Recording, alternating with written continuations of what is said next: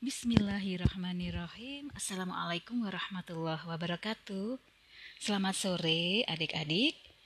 Kali ini Bunda kembali akan berkisah tentang Nabi Ilyas alaihissalam, sang penyeru.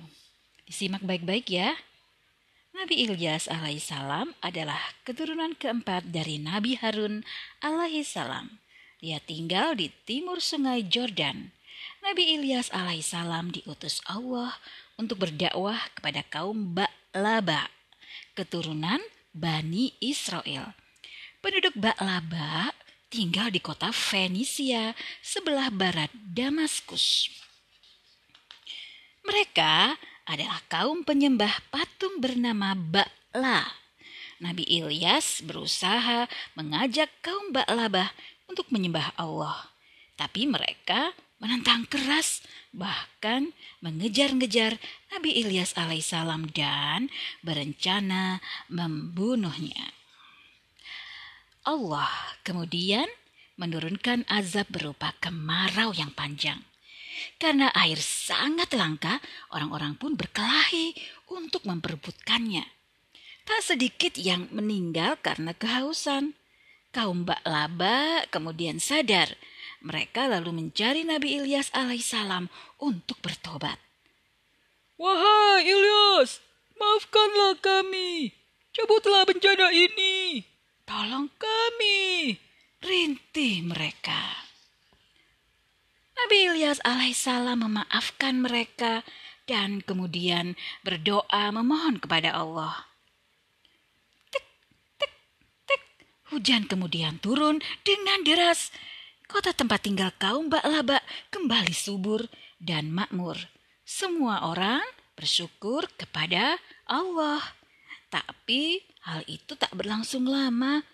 Mereka lalu lupa diri dan kembali ingkar kepada Allah. Karena hati kaum Ba'laba ini sungguh keras, Nabi Ilyas alaihissalam pun pergi meninggalkan mereka. Allah kemudian menurunkan azab yang lebih pedih.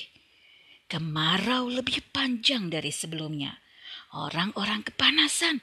Tak ada lagi yang dapat menolong. Nah, demikian adik-adik kisah tentang Nabi Ilyas alaihissalam. Kira-kira hikmah apa ya yang bisa kita ambil dari kisah ini? Hmm, ada yang tahu? Ya, Nabi Ilyas alaihissalam itu ternyata sangat bersemangat dalam menyeru orang-orang untuk kembali ke jalan kebenaran. Dia tak lelah diejek dan ditentang oleh kaumnya. Jalan dakwah memang terjal dan perih adik-adik, dibutuhkan semangat tinggi dan sikap pantang menyerah. Allah akan memberi pahala yang sangat besar bagi orang-orang yang menyeru kepada kebaikan. Dalam hadis riwayat Muslim, barang siapa yang menyeru kepada sebuah petunjuk, maka baginya pahala seperti pahala orang-orang yang mengikutinya. Hal tersebut tidak mengurangi pahala mereka sedikit pun.